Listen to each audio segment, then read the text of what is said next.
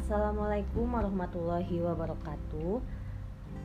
Nama saya Renita Wilde Hernanda dengan NIM 1800128 Izin memberikan tanggapan terkait materi yang disampaikan oleh kelompok 8 Mengenai kepemimpinan opini dan jaringan difusi. Penyajian dari pemateri kelompok 8 sudah cukup baik dan dapat dimengerti mengenai hukum peniruan dalam hal ini mendiskusikan tentang kepemimpinan opini sejauh mana seorang individu secara tidak langsung dapat mempengaruhi sikap atau perilaku terbuka orang lain dengan cara yang diinginkan dengan frekuensi relatif. Pemimpin opini adalah individu yang memimpin dalam mempengaruhi pendapat orang lain tentang inovasi. Maka, untuk mengetahui sifat kepemimpinan opini, kita harus mempelajari berbagai model aliran komunikasi massa seperti aliran dua langkah dan revisinya. Lalu, mempelajari bagaimana homofil kedua mempengaruhi aliran komunikasi, mempelajari langkah-langkah kepemimpinan opini dan karakteristik pemimpin opini.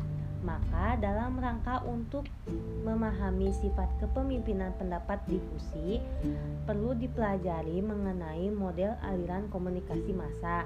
Yang pertama adalah hypodermic needle model. Model ini menegaskan bahwa media massa memiliki pengaruh yang langsung dan sangat kuat terhadap pemirsa massa. Yang kedua yakni the two-step forward model atau model dua langkah. Model aliran dua langkah ini membantu memfokuskan perhatian pada antar muka antara media massa dan pengaruh interpersonal. Hal ini memberi kesan bahwa media massa tidak begitu berkuasa dan tidak setegas yang pernah kita pikirkan. Dalam teori pembelajaran sosial disebutkan bahwa Teori pembelajaran sosial adalah seorang belajar dari orang lain melalui pemodelan dari pengamatan, yaitu kita mengamati apa yang dilakukan orang lain lalu melakukan hal yang sama. Tetapi tidak sama persis.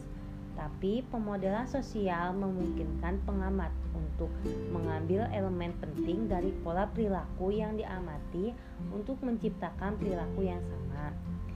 Saya setuju dengan apa yang disampaikan oleh kelompok 8, namun saya ingin bertanya mengenai teori pembelajaran sosial. Berdasarkan latar belakang pemodelan sosial yang dijelaskan oleh kelompok, agar pemodelan sosial terjadi, secara individu harus fokus menyadari perilaku individu lain dalam jaringan komunikasi pribadinya yang telah mengadopsi inovasi untuk ditiru. Saya ingin bertanya, sejauh mana seorang individu harus fokus untuk menyadari perilaku inovasi dari berbagai individu yang lain? Tentu memiliki latar belakang kehidupan yang berbeda bukan setiap individu tersebut dan bagaimana caranya agar seorang individu mengetahui perilaku dari pengadopsi tersebut. Sekian dari saya, mohon maaf bila ada kesalahan. Terima kasih. Wassalamualaikum warahmatullahi wabarakatuh.